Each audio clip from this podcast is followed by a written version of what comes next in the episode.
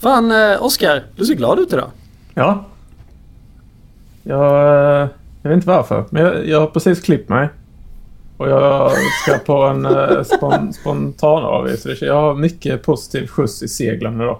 Är det så att klippa sig är liksom en energiboost för dig? Nej, jag klippa sig är ganska ångestladdat för mig. Jag tycker det är jättejobbigt när folk pillar mig i håret. Jag förstår att jag låter som en seriemördare när jag säger men jag tycker inte, jag tycker inte om att klippa mig.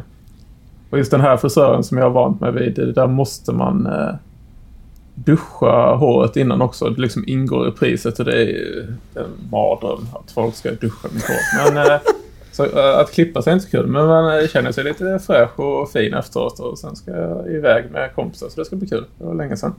Mm. Går du till frisören Sören? Nej, jag går till en frisör som är 20 meter från min eh, ytterdörr som heter Emma.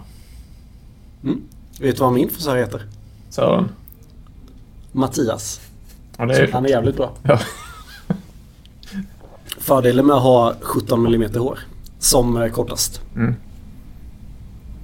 Men det är inte det vi ska prata om idag. Utan vi ska prata om det bästa vi vet. Redan blivit dömt av Marco som insomningsavsnittet. Vi ska väl prata om dokumentation idag.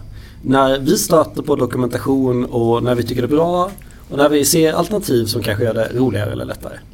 Så eh, välkomna till Snack Overflow. Jag heter Mattias och sitter här idag med Oskar. Hejsan! jag höll på att glömma Och Andreas. Tjena, tjena. Ja, det känns lite, alltså du, du är glad men du kommer knappt ihåg din catchphrase. Nej, jag var mitt i. Man såg stressen i ögonen, ögonen på det där, Oskar. ja, jag var så nära på att göra bort mig.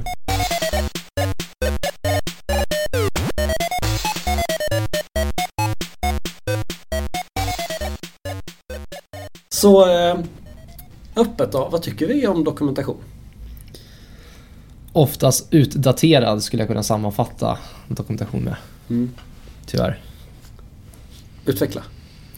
Nej men oftast, jag tycker konceptet dokumentation är jättebra. Mm. Och teoretiskt så är det ju superbra att ha, ha dokumenterat vad, vad man tagit för vägval och vad man har gjort och ja, struktur och arkitektur och sånt där. Mm. Men vi alla vet ju det att vi utvecklare är inte jätteduktiga på att uppdatera dokumentation. Eller vi behöver inte vara utvecklare för den delen oavsett vilken roll. Så när ett projekt har levt i ett år eller något sånt så, så är den dokumentationen utdaterad, utdaterad om den inte hålls aktivt igång. Och det kan vara allt ifrån hur arkitekturen har liksom förändrats genom tidens gång eller bara hur, hur saker fungerar. tycker jag alltid är en missmatch mellan dokumentation och, och verkligheten. Mm. Vad har du för erfarenhet Oskar?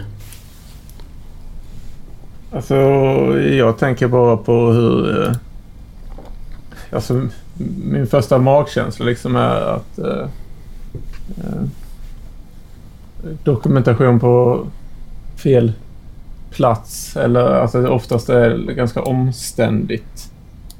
Eh, och som Andreas sa att det liksom känns nästan alltid som stora delar av dokumentationen oavsett var man jobbar någonstans. Det, liksom, det hålls inte ajour. Eh, så det, det är att dokumentation tappar ju sitt syfte så fort den blir utdaterad och det tycker jag händer ganska ofta då det är onödigt att man har lagt tid på det från början i någon mån. Eh, jag, jag, tycker det kan vara ett kraftfullt verktyg till många olika discipliner men eh, tyvärr så fallerar man ofta med dokumentation. Eh, tyvärr. Tycker jag. Har ni något exempel på när den är extra bra då? Typ som dokumentation som... Jag har en fäbless för dokumentation som bor nära koden. Liksom istället... Eh, eh, alltså rent teknisk dokumentation, hur du får igång någonting istället. Då tycker jag att den ska bo nära koden så man versionshanterar den och, och när man gör kodändringar så kan man uppdatera dokumentationen som kodändringarna mm. berör. Så om du, om du har en merge request eller pull request på vilket versionshanteringssystem du använder så uppdaterar dokumentationen med den requesten och då kan man den som testar av requesten liksom läsa den och förstå vad som har skett. Det, det tycker jag är ett riktigt bra exempel. Eh, det är jobbigt om man har teknisk dokumentation som inte är nära koden oftast. Ibland kommer kom man kanske inte undan det, men ja. Men jag, jag tror lite att ni, ni, ni hintade lite om det nyss. Och jag tror vi är inne på någonting att vi som kan koda ser gärna dokumentation, liksom vår kod som vår dokumentation. Jag vet inte hur ni är men kommentarer i koden är ytterst sällan för mig. Ja. Eh, mina readme-filer är otroligt tunna för att istället för att skriva dokumentation för hur man gör saker så skriver man program som gör de sakerna. Är det komplicerat att, eh, ja men vi pratade ju för något avsnitt sen om onboarding. Är det svårt att få igång sin miljö, då skriver man ett skript som liksom, eller en wizard på något sätt. Som man håller wizarden vid liv istället för, man håller koden vid liv istället för dokumentationen. Mm. Samma sätt liksom, typ hur krav lever. Eh, ni som inte förstått den så är jag ju en stor förespråkare för eh, browserklicktester. Gärna skriver ni det här Gherkin-formatet som ni hört mig tjata om i oändlighet. Där man har ett gemensamt språk, kodare, testare och kravare. Det här given when then. Som då blir en dokumentation för hur systemet fungerar. I kod som, led, som genererar testautomatiseringen. Eller testautomatiseringen bygger på dem. Mm. Så jag tror att för kodare, för folk som kan koda, är dokumentationen ofta kod. Och det tycker jag man ser andra trender i som Infrastructure as Code till exempel. Mm. Det är ju verkligen dokumentation som kod. Ja, absolut. Jag tycker en sak som jag uppskattar i dokumentation, om det hålls uppdaterat som allt annat, det är ju främst flödesdiagram och liksom stora arkitekturbilder för att synliggöra beroenden. Mm. Det tycker jag är viktigt för mig när jag kommer in i ett projekt för att liksom kunna se inte bara min applikation utan hur den lever i ett sammanhang. Mm. Det tycker jag är viktigt. Och då är du lite inne på långlivad dokumentation också känns det som. Ja, absolut. Det är viktigt för det att dokumentationen, ja, det är viktigt för oss att dokumentationen stämmer. Och den stämmer bättre om det är en långlevad sak man dokumenterar. Mm. Men den typen av dokumentation som du beskriver Andreas är ju extremt värdefull. Men om den bottnar i att den liksom är en statisk resurs, liksom att det inte är kod som genererar den, så är det också Mm. om, nu när jag tänker här, det är den svåraste typen, bland den svåraste typen av dokumentation man kan skriva och hå- underhålla. Eh, för när man har eh, kodesberoenden och dylikt och att det kanske är fler än en person som ska skriva dem och hålla dem ajour och se till att alla är ajour med att dokumentationen uppdateras. Alltså relationer mellan olika system och olika komponenter och olika tjänster. Det är, det, det är imponerande när folk får det att funka. Och då är det extremt Mm. kraftfullt. Men det är, min, min- erfarenhet är att det är liksom alltid någonting som fattas. Eller ja, just det, det här är så här men det har vi inte skrivit där. Att de, de är väldigt svåra att hålla vid liv de där. Ing, ingenting är kraftfullt om det inte är komplett. Nej. såklart. Eh, Så absolut. Men eh, det är i alla fall någonting jag letar efter i nya projekt. För att bilda mig en uppfattning om hur, hur projektet fungerar i, i kontextet i organisationen. Typ alltså en systemkarta, hur systemen förhåller sig till varandra. Ja, och jag menar, det kan ju vara... Säg att vårt team bygger tio tjänster. Mm. Bara hur de tjänsterna kommunicerar. Det kan ju också vara en sån sak. Eh, Jag tycker det är enklare och Jag bygger oftast en lättare mental bild om jag ser ett sånt diagram. Mm. Än att jag måste ner i koden och grotta. Mm. För det, det kommer ju naturligt sen och då förstår man ju det tekniskt. Men för att bilda mentala bilden så vill jag gärna kolla på ja, legoklossar. Eller Mm. någon bild. Men vill du ha den som ett använt- uh, UML då? Eller vill du ha liksom mer som en abstrakt nivå? Eh, både och kan jag säga. Det beror på vilken nivå vi pratar om. Om det är bara för att förstå hur beroenden hänger ihop. Då är det ju liksom bara övergripande. Då behöver det inte vara liksom på detaljnivå vad varje tjänst håller på med liksom på UML-nivå så. Mm. Men eh, absolut, det underlättar ju. Har någon av er använt verktyg för sånt här? Där det finns ju typ, eh, jag vet att vi körde Backstage ett tag, ett Spotify Open Source-verktyg för Mm. att ha det. Alltså att man genererar sin dokumentation och metadata ur sin kod. Mm. Har ni använt sådana? Har ni någon erfarenhet av det? För jag har, vi hann knappt komma igång innan jag lämnade det uppdraget. Nej, ingen, ingen sån autogenererad Nej. Dokumentation tyvärr. Jag har sneglat har- på Backstage. Det verkar ju ganska lovande om man kan få det att rulla på riktigt. De kör det, Det som var bra här på för mitt oss- uppdrag, nämligen så vi har snackat om att äh, börja använda det. Så jag är ganska nyfiken på det faktiskt. Mm. Mm. Vi gjorde ju när jag hade rollen, vad jag nu var, ja, men någon typ av arkitektliknande. Och min uppgift framför allt var, ja, men, så här, det var ett annat team som jag gjorde backstage. Men, men mitt var så här, kan du hjälpa till att försöka förstå vilka microfronters pratar med vilka backends? Mm. Och eftersom att vi hade centraliserat att ja, men, i den här filen så spesar vi urlen till backendsarna. Eller så här, det är från, de här, från den här mappen har vi backendarna upp. Så det var jättelätt för oss att parsa ut vilka liksom, backends man faktiskt använde. Mm. Så vi skrev något jättekort skript som bara så här, de här microfrontendarna använder de här backendarna. Och så kunde vi skicka det till backstage. Jag har glömt bort hur och, sådär. Men, men principen. Det tyckte jag. Det, jag fick inte se slutresultatet men jag tror på principen. Jag håller med. Absolut. Men då tänker jag ta mitt sidospår till slut. Kör. För nu pratar vi om systemdokumentation. Jag har hittat det bästa lifehacket för att förstå sig på eh, organisationshierarkin. Alltså ibland har man ju så här, ja men vi har en platt hierarki. Och så försöker de rita ut tre nivåer liksom så här. Du är utvecklare, här är mellannivån och här är VD. Ja. Men om man går in i Outlook kan man se vilka, liksom, vilka den har under sig och vilka den rapporterar till. Så har de satt upp Outlook seriöst inom air quotes så kan man där se dess riktiga organisationshierarki. Så även om de försöker in PowerPoint säga att vi är platta så kan man i Outlook se det. Det är en typ av autodokumentation. Mm. Absolut. Är inte också lite intressant om man, man säger att en hierarki är platt? Är inte det också väldigt intressant konceptuellt? Jag, jag, sidospår Hierarki på kan inte vara sidospåret. Är det fortfarande modernt Ja. att säga att man är en platt organisation? För det kändes väldigt... Ja, det tror jag. Är det det? Okej. För det känns som det har varit modernt. i- DevOps-eran är det väl absolut det? Ja, absolut. Eller? Vad tänker du Oskar? Vad vill Nej, du men ha? det känns ändå som det alltid finns. Du vill ha en auktoritär chef som berättar för dig vilka arbetstider vi har? Nej, det är, det är ingenting jag vill ha, men jag tycker i praktiken så är det oftast, även när man säger att det är en platt organisation, så eh, nystar man tillräckligt länge på det där garnet så eh, finns det alltid hierarkier ändå. Jo, men så är det. Det är ju aldrig platt. Men Nej. man slänger fortfarande med termerna att Ja, det är det- platt. Absolut. Det var därför jag tänkte Ja, på det, för det känns som man har slängt med den termen ganska länge, men att det väldigt sällan är det på riktigt i praktiken. Det kanske är mer... Ja, det är ungefär som att maskera att man, man, man jobbar agilt men man har halvårsreleaser även fast man jobbar med sprintar.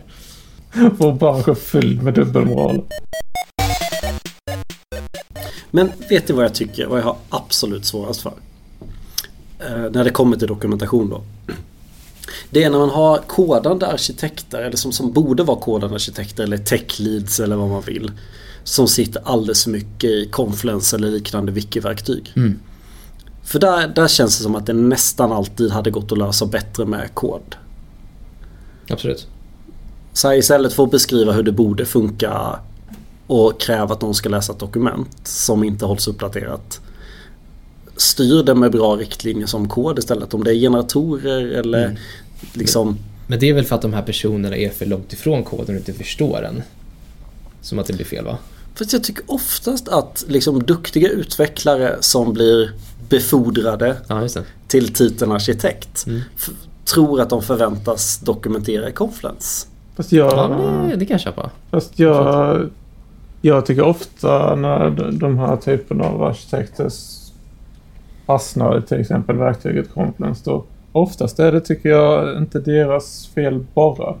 Jag, ofta har jag sett på i alla fall, har jag sagt ofta tre gånger, eh, att organisationen liksom har krav på att man ska dokumentera. För att de inbillar sig att de får någon insikt i det. Och sen så är jag rädd för att i praktiken att man inte...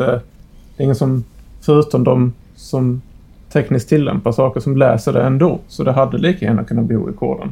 Men det är liksom som något krav Mm. från organisationen. Det ska dokumenteras för så gör vi här. Allt ska in i Confluence. Beep up, beep up. Och sen... Eh, Men det är väl nå- någon slags fiktivt skyddsnät som man försöker sätta upp för sig själv. Jag har skrivit skript som mejlar mina Gherkin-filer till, till folk. Hur glada blir de över det då? Ja, de fick en dokumentation. De var nog nöjda. Vad Fan, är det här för format? Vad Nej ska men jag de, göra med de det här? kunde ju typ läsa det. Ja, jo. Absolut. Det som vi har en pågående diskussion just nu, vi, vi håller på att uh, cruncha till en release Mm. som är väldigt viktig.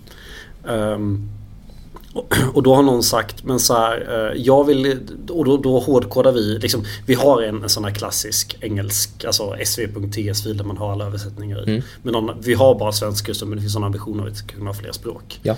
Eh, Då frågar någon bara så här, men, men eh, vi hade ju tidigare ett sätt att ändra de här texterna, kan vi inte göra det nu?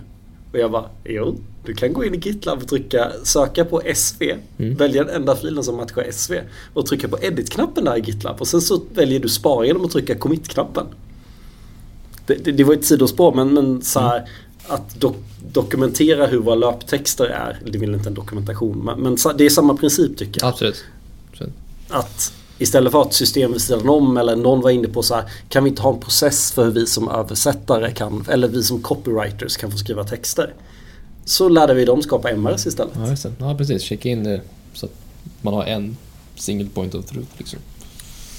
Ja, så det inte finns liksom att vi inte copy-pastar från en Confluence-sida som det var tidigare. Mm.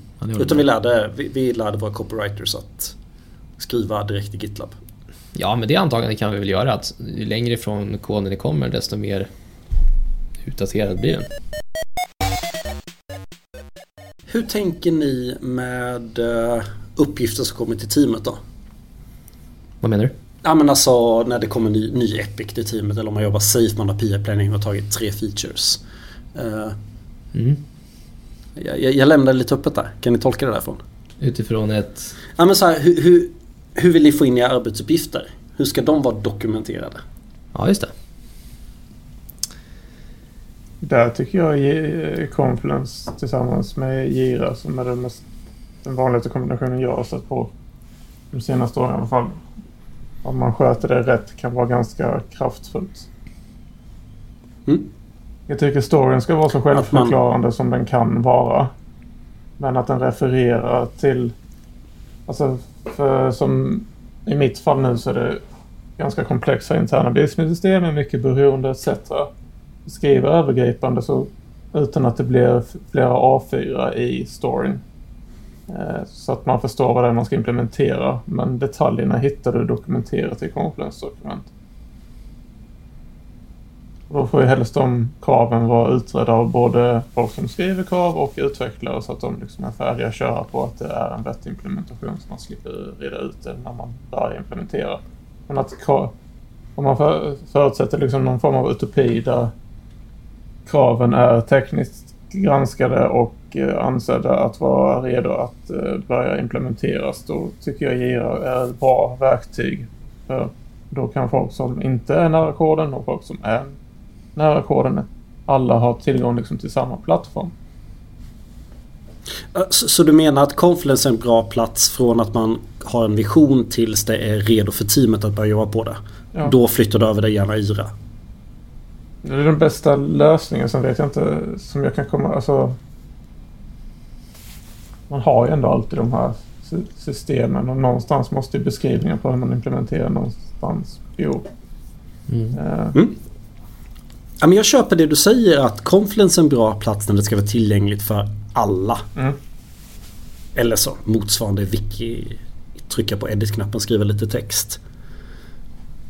Men det, jag vill, det jag tror jag vill komma till är att för mig är det ganska viktigt att man betraktar det som Confluence har man för att nå upp till definition ready. Nu är det redo för teamet att ta över. Nu kan teamet lösa alla problem som kan uppstå liksom inom sin tidsperiod.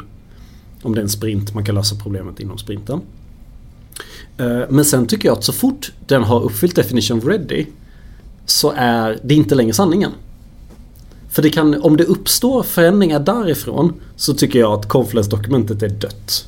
ja, det borde Ja. skrotas nästan. Alltså, eh, Ja, man, man borde copy-pasta in det i Jira och sen, eller motsvarande verktyg. mm. Och sen bara låta Confluence-sidan dö. Och när ticketarna dör så borde koden vara liksom, ja, eftersom att vi kör Gherkin så är ju liksom testen dokumenterade så, ja, ni förstår. Nej, för det är ju faktiskt ett problem i det förfarandet. För att man, man har kraven för att kunna utveckla storyn och sen så brukar ju de flesta ha liksom olika former av UAT-tester och sånt som går igenom och sen implementeras det, kommer ut i produktion. Men problemet är när man ett halvår senare, och detta har hänt mig ganska många gånger, liksom, ja men det står ju här att det skulle implementeras så här. Ja, fast nu har det implementerats, testat, releasats, varit igång ett par månader. Då kan du, exakt som det är ute efter Mattias, då kan man inte referera till eh, hur det stod i ett dokument för ett halvår sedan. Jag, jag tycker att så fort någonting är implementerat så ska det Confluence-dokumentet dö. Så att det inte finns kvar och så ska det istället mm. i den bästa av världar dokumenteras antingen typ som du som en Gherkin-tester eller att det bor nära koden på något sätt. Liksom att produkten tar över att kunna förtälja implementationen på något sätt. Att man lämnar Confluence. Finns det något annat bra sätt som ni har jobbat med? Jag vet att uh, Marco jobbar på ett arbetssätt där de har mycket liksom beskrivet i Miro-bilder, typ flödesdiagram liksom. Mm. Och att det är liksom det flödesdiagrammet som är facit även efter att koden är implementerad. Mm, Ja, ja, jag kan inte så mycket om det. Fast det är lite flyktigt där. Det är exakt samma... uppdaterat så är det lugnt liksom. Det är ju samma sak som ett dokument i Confluence. Ja. Om det uppdateras så är det också fine. Ja, ditto. Det, det, det är exakt samma problem egentligen. Det är en statisk resurs som tenderar till att bli utdaterad. Mm. Liksom. Men det är ett coolt sätt ändå att beskriva. Alltså, som utvecklare har man ju uppskattat att man hade en, alla flöden, UX-flöden i en Miro. Det låter himla smidigt. Eller i Figma för den delen. Mm. Ja, precis. För, för, att fortsätta det här spåret av, av dumma historier. Eh, jag har ju fått frågan, tillbaka på samma uppdrag då. Mm. Eh, kan du dokumentera hur våra pipelines fungerar? Och jag la fem minuter på att städa upp vad våra stages och vad våra jobb hette till tydligt beskrivande namn. Och skickade en skärmdump på en sån pipeline. Så här funkar våra mm. pipelines. Tack så mycket. Tack, tack. Mm. Var det uppskattat? Jag, jag, jag, vill du ha mer information kan jag skicka dig länken till där du får se YAML-filen. nej men ärligt talat, nej det, det, var såklart inte uppskattat. Jag sa det för att provocera dem för att jag ville provocera den här kunden att bli mer progressiv. Ja.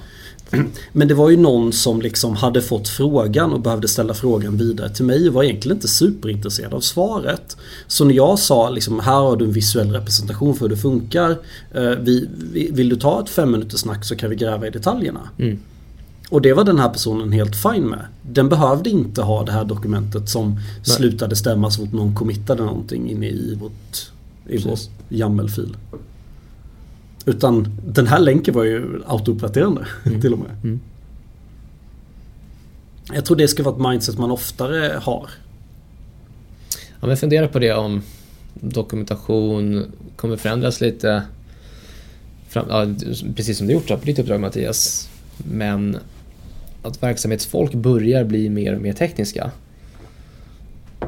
kommer kunna sätta sig in mer i tekniska detaljer och till slut så kommer en sån form av dokumentation vara good enough.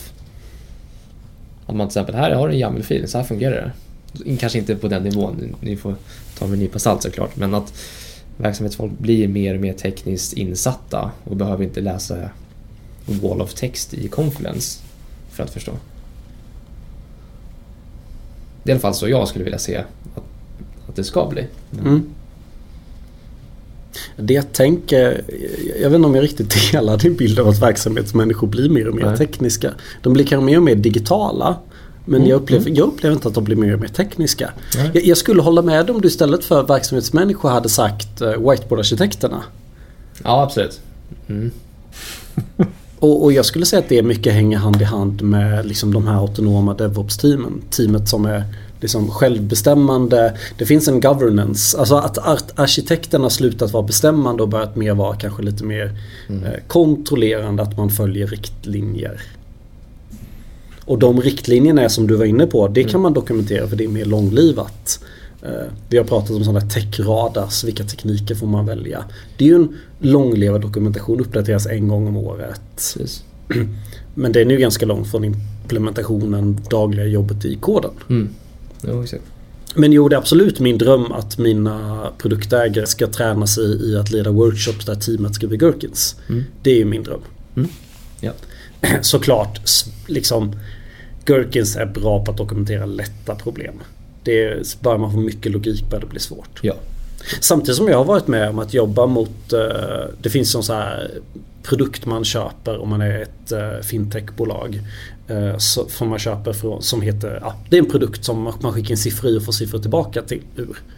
Uh, där har jag varit med om att man har skrivit Gherkins, testaren och backendaren skriver Gherkins, eller vi skriver Gherkins tillsammans. Och vissa av dem taggade vi som att men det här ska testaren skriva testfall för och backenden ska implementeras som unitest. Om vi skickar in den här datan via vår kod till den här bakomliggande produkten får vi tillbaka de siffrorna vi förväntar oss. Mm. Så där har en testare skrivit Gherkins som både vår produktägare och vår backend produktägare förstår, backande implementerar, de körs i pipeline. Mm. Så det tror jag. Mm, absolut. Förlåt Oskar. Ja, jag försökte en rättelse till varför jag skrattade. Det är bara för att jag tycker begreppet uh, whiteboard-arkitekt är så jäkla roligt. Det hade varit väldigt kul om någon skrev det på LinkedIn att de var en whiteboard-arkitekt. Det hade varit... ja, Ja. Jag vet inte, något... men, men, när vi är ändå på temat då borde vi sluta. Ska vi idag inte kalla det Whiteboard-arkitekt men inte kalla det Confluence-arkitekt då? Vad finns det för konkurrent till Confluence? Alltså för det känns som det är ganska tajt kopplat till Gira, liksom hela Confluence-sviten. Eller hela Atlassian-sviten. Vad är det, vad, finns, ja. det några, finns det några bra alternativ till Confluence? Jag har inte suttit med någon annan. Så är de sista fyra. Microsoft Teams. Men har de samma mm, så här, dokumentationsstruktur som Confluence? Nej. nej. Nej. Det kanske de har, jag vet bara inte. Eh, Google har säkert någon lösning. Alltså det känns som alla cloud-leverantörer borde väl ha någon dokumentationslösning också. Ja. Det kan ju inte vara så att de äger hela marknaden. Alltså det känns ju helt orimligt så att det inte finns några vettiga konkurrenter. Men, men på tal om att äga hela marknaden då. När använder ni sist något annat än Jira eller möjligtvis Azure DevOps? Ja, det var länge sedan man använde Trello. Det är mm. liksom ett professionellt projekt. Ja, men det... Jag får ganska mycket YouTube-reklam om konkurrenter så här. Mm, det får jag också. Ja. Monday.com. Ja, det var precis det jag tänkte ja. på. Mm, Tipsade inte Fredrik om någon ganska nyligen? Vad hette den? Får lägga till att till lyssnarna att vi inte är sponsrade av Monday.com då för att vi nämnde deras namn. Det är ändå public service. borde bli, borde bli. Fast det hade varit nice. Då hade vi i alla fall varit sponsrade av skattepengar men det är vi inte det heller. Precis. Nej, men vill man sponsra podden så är man ju fullt kapabel till att göra det. Medan Oskar googlar. Uh, det finns faktiskt, jag tycker det finns ett jättebra exempel på där dokumentation är ett löst problem. Mm. För jag Kör. tycker svin mycket om OpenAPI-specifikationen och Swagger. Jag tror att vi inte har Fredrik med oss idag då. Ja, som är paktare. Ja. ja. ja. men jag, jag tycker så här, det, man hade ett problem. Fronten och backend behöver prata med varandra. Mm. Det kommer ändra sig mycket. Uh, om den ena eller andra skapar den är väl lite skitsamma men att man liksom Kontrakt kan man ha som dokumentation eller kan man ha det som levande kod som en del av vårt aktiva arbetssätt. Och jag har varit med om liksom frontends som smäller för att man i byggsteget genererar om, genererar om sina datahämtare mm. baserat på senaste swagger. Och smäller det så får man inte släppa frontenden. Då slipper man om en backend har fuckat upp bakåtkompatibilitet så slipper man det. Det är smart faktiskt. Jag sökte Confluence Competitors. Det var Helpuse, SharePoint, Google Drive, OneNote, Asana, Trello, Slack. Känns väldigt kristat. Monday var ju med. Jag har provat att köra lite GitLab issues. Det det föll på är ju som vi säger det är ju en dokumentation. Även om vi ger en kortlivad dokumentation är det en dokumentation. Mm. Men med fördel att den är kortlevad. Eh, jag hade svårt att få våra produktägare att släppa Yra. De hade svårt att gå in i GitLab ja, för att skapa issues. Jag vet. Ja. Vi körde Som samma, när vi körde Azure DevOps så körde vi alla ticket och dokumentation i deras wiki då. Så att allt var nära. Det funkar bra.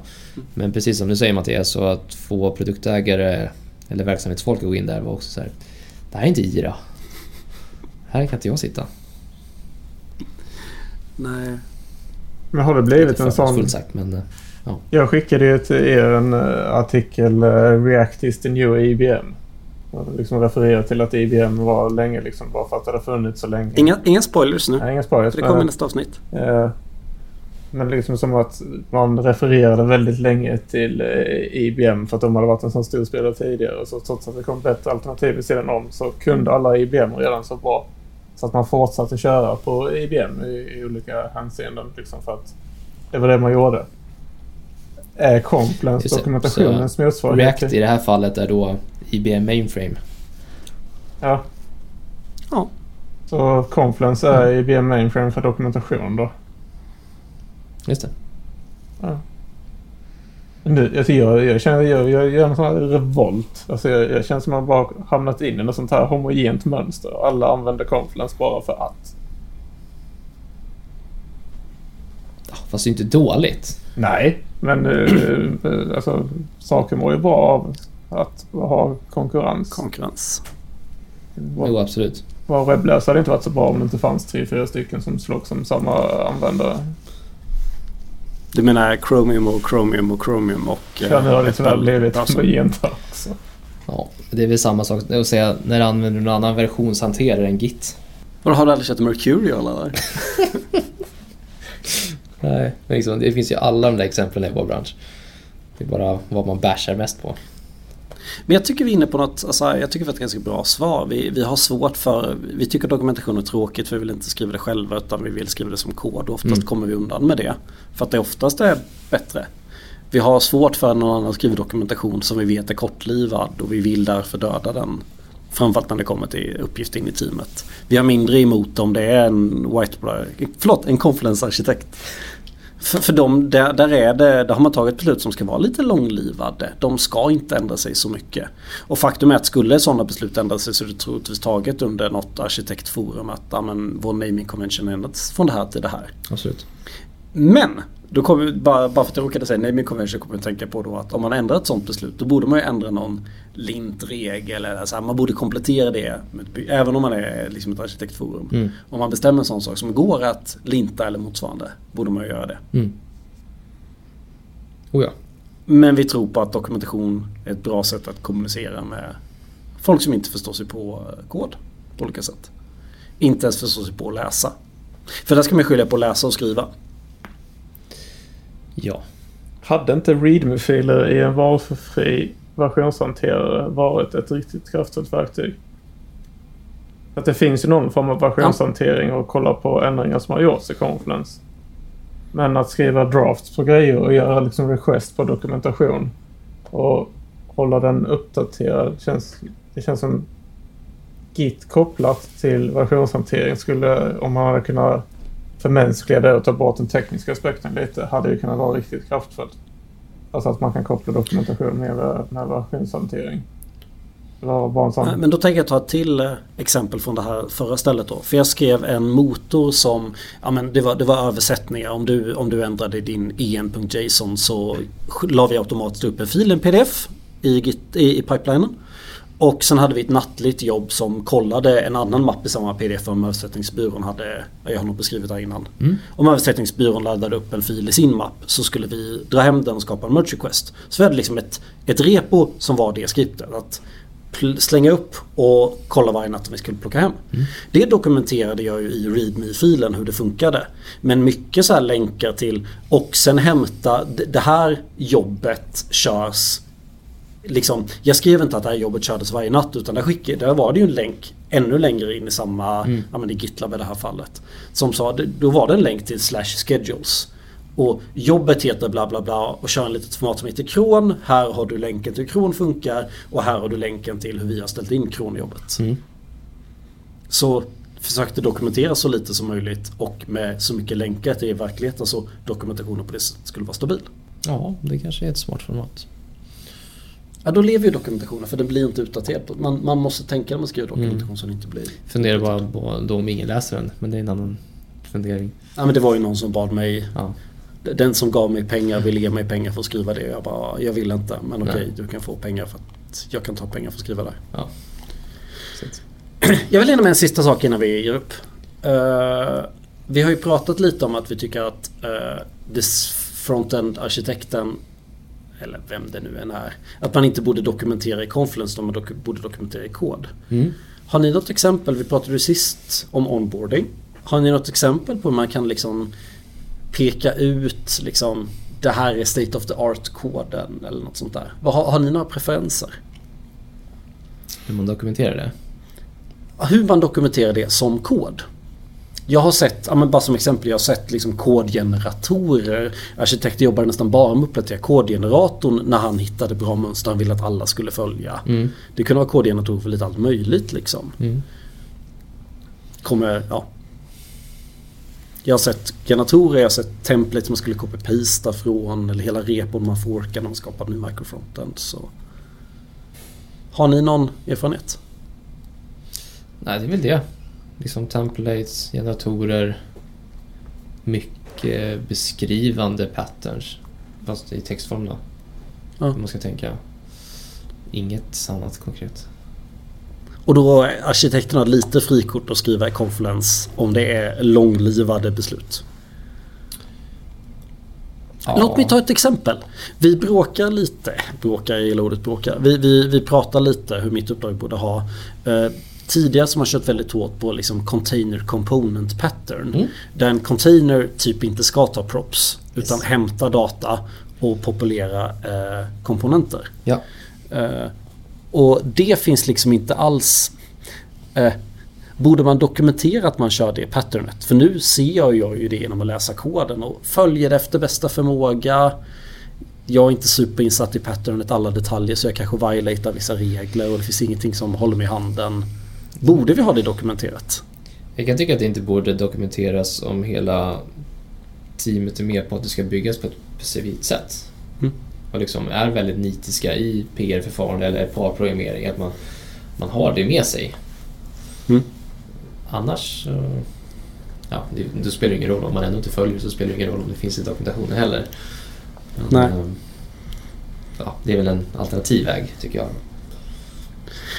Och, om man dokumenterar det i en konferens eller något eller en readme-fil i koden. Mm. Då finns det ju en risk att man inte vågar utmana mönstret för man orkar inte skriva om dokumentationen. Samtidigt som jag idag skulle Mm. kanske velat läsa liksom Ja men för att skriva state of the art som man gör på det här stället. Vi är fyra team som vill koda ungefär likadant. Ja. Den arkitekten är för fyra team. Eh, Det hade varit lite skönt att läsa, läsa en dos and don'ts i vilket fall. Och den hade kanske varit svår att skriva som kod. Ja, men det håller jag med om. Men ja. Jag är nu lite mer ambivalent inställd. Liksom, det kan vara värt att skriva kanske om så här, ja, men vi av någon anledning följer ett MVVC-mönster. Men att skriva liksom, skriv metoder på detta sättet. Det borde ju fångas upp av teamet i en merge eller pull request. Alltså, det, det, det, Eller liksom, liksom, lintingen, automatisera bort det. Ja, eller alltså antingen att man lintar det eller har typ så här som på... Så, här, så jag kör alltid på de senaste dependenciesarna. Men istället så får vi, istället för att dokumentera det så får vi på mitt uppdrag nu äh, läggs en ny merge request och så står det dependabot, den här som GitHub har. Mm. Uppdatera, göra det, det till, alltså istället för att skriva håller jag uppdatera, automatisera feedback på outputen. Mm. Eh, Absolut. Istället för att skriva följ ett MVVC-mönster. Om man nu lyckats automatisera att man bryter mot ett MVVC-mönster hade varit ganska imponerande. Men så här, som säkerhet känns ganska så här, ja, var inte dum. Alltså, lä läck inga uppgifter, hårdkoda inte nycklar. Men det, liksom, ska man behöva dokumentera det? Nej. Ja, men det kan man ju också dra in, jag vet inte, Sonar Cube eller vad som helst som man kan automatisera bort det också. Mm. Mm, Nej. SonarCube. Vad tycker ni? Vad har ni? Vad tycker ni om SonarCube? Jag, jag har Jag har aldrig behövt sitta och analysera resultatet i när Sonar Cube körs. Så jag, jag kan inte säga något. Nej. Vad jag tycker om det. Det går två pipeline-steg på stället till. Det är både MEN, Sonar Cube och sen är det någonting till. Det granskas så in i bängen. Men det är samma som Andreas liksom. Jag får inte se... Oftast när det failar är det för att man inte har uppdaterat alltså koden i... eh, I merge requesten är inte den senaste main-branschen eller develop-branschen. Så då måste man bara uppdatera branschen så går jobbet igenom. Mm. Och outputen som okej. printas ut i, eh, i det här fallet GitHub Actionsen är inte jätteläsbar. Det är liksom bara något eh, gåsmatat krav uppifrån att alla ska ha de här eh, Mendo och Sonar Cube Actionsen på alla sina pipelines innan koden printas ut. Och det finns Ja. något egenvärde i det. Och tillsammans med Dependabotsen de kör på, det tycker jag är... Jag, det är inte så, ah, idag ska jag kolla på vilka av mina dependencies som är utdaterade. Det händer ju inte. så Aldrig. nej, det gör det inte. Så de tycker jag faktiskt är riktigt kraftfulla istället för... Så dokumentera när man behöver dokumentera men automatisera så mycket det bara går. Eh, och håll teknisk dokumentation nära koden. Det känns som någon form av röd tråd som vi har följt. Var det, var det våra final words till och med? Eller vill du säga något? Andreas? Det lät som en riktigt bra slutkläm tycker jag. Fan, sista grej då. Alltså kodkommentarer. Do's or don'ts. I, I regel ska jag säga don't. Mm. Men nu när jag sitter mitt uppdrag, när det är så komplext och man får en one-liner som förklarar så här, så här funkar det. Ja, nu är jag helt ny i det uppdraget, så, nu har det hjälpt jättemycket. Ja. Så de, har- de har funnits på de ställen där det behövts. Men i regel så skulle jag säga nej. Som en dokumentation av ett lite komplexare krav. Väldigt nära. Eller inte ens krav utan så här del av ett krav. Ja. Ett acceptanskriterium. Ja. Ja, okej. Jag har aldrig förstått Oskar? riktigt varför det är så religiöst med kommentarer. Det känns lika infekterat som liksom hur många spaces en tab är. Alltså jag bryr mig verkligen inte. Men det är väl för att man har sett så mycket dåliga kommentarer. Jo, så i ja, för det är ju dokumentation som också blir utdaterad. Ja. Den lämnas ju när, när koden skrivs om. Ja, jag, jag tycker det, det är väldigt lite skada skedd eh, även om en kommentar är utdaterad i värsta fall. Alltså jag vet inte. Ja. Det värsta är när det bara ligger en massa to-dos. Där det står to-do, storbokstäven, kolon och så, så, fan, det, det är två år sedan denna skrevs och det har aldrig gjorts. Så det, det, det har jag någonting emot. Men eh, Ja, Det finns ett Prettier-plugin som tar bort uh, to-do-kommentarer som är över ett år gamla. åh, gåshud. Rätt, rätt sorts gåshud. Rätt sorts gåshud. Du får det alldeles ofta i den här podden. Ja, men det det är väldigt sällan jag får fel sorts gåshud. Men eh, rätt sorts, det är bra. ja det är bra. Men, men vet, du vad, vet du vad det betyder? Att det är dags för det bästa med hela veckan. Nu kom grimasen från Andreas. Det nu blir dags för veckans tips och jag kan tänka mig börja. Ja, men det här är en shoutout till vår kära Robert som lyssnar på podden. Du vet vem det är. Han kom med en galen idé i morse som jag har provat. Och det funkar svinbra. Uh, git mellanslag diff mellanslag origin master. Då får du ju skillnaden mellan din bransch och eh, liksom det senaste masterbranschen. Pipa det in i ett skript som skickar upp det där, den där texten fast man skriver innan Give me a commit, mes- commit message for. Och skickar till ChatGPT. Jag provade det i morse. Funkar svinbra. Det är inte en perfekt commit-meddelande. Men ChatGPT givet den här diffen skrivit mycket bättre commit-meddelande än vad jag annars hade gjort. Ja. Så det är inte perfekt men det är bättre än det jag hade gjort det. Så vi får väl se om jag eller Robert är först med att eh, lägga till en git-hook som automatiskt skriver commit-meddelanden givet en diff mellan min branch och master. Det är mitt tips. Använd mitt NPM-plugin som kommer finnas snart. Mitt tips är att våga utmana Atlassian. Jag kan inte släppa det. Det, det, vi kan inte, Ja, det är inte bra för oss att vi har blivit en hel bransch i Sverige har blivit så homogen att alla sitter med samma verktyg. Det här är inte bra för någon. Så eh, Men Oskar, när vi hade vår psykopat mindmap Mm. Då hade vi ju en bit i den som var en gira, liksom en gira i Miro. Alltså Mm. en kanbanboard i Miro. ja. Mm.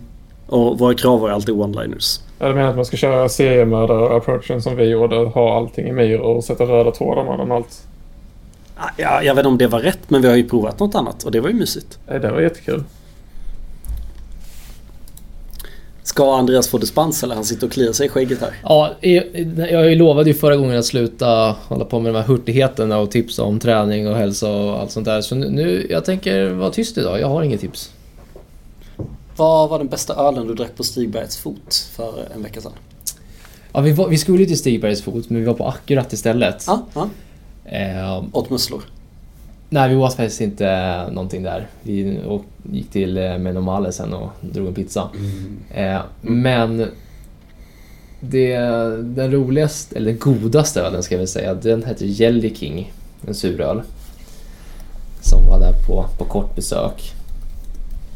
Eh, den roligaste ölen, det var en... Eh, jag kommer inte ihåg vad den hette, men det var en rökt citrusöl.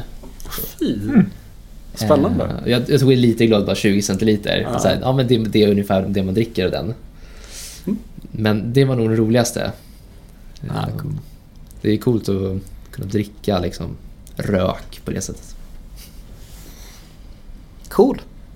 Så dokumentation får man skriva om man tror att det är långlivat. Annars ska man alltid försöka hålla det så nära liksom the source of truth. Vilket nästan alltid är koden. Precis. Och behöver be någon arkitekt dig om något diagram eller något så skickar du länkar till eh, pipelines eller ja, du, då försöker du göra det så nära koden. Då, då ger du inte efter i en konflikt-sida tillbaka utan Mm. du försöker ge ett svar så nära source of truth får lära dem. Ja, Då har vi det här. Vi har det. Toppen. Tack så jättemycket för att ni lyssnade. Ha en fortsatt trevlig tisdag så hörs vi framöver. Ha det bra. Hej! Ciao!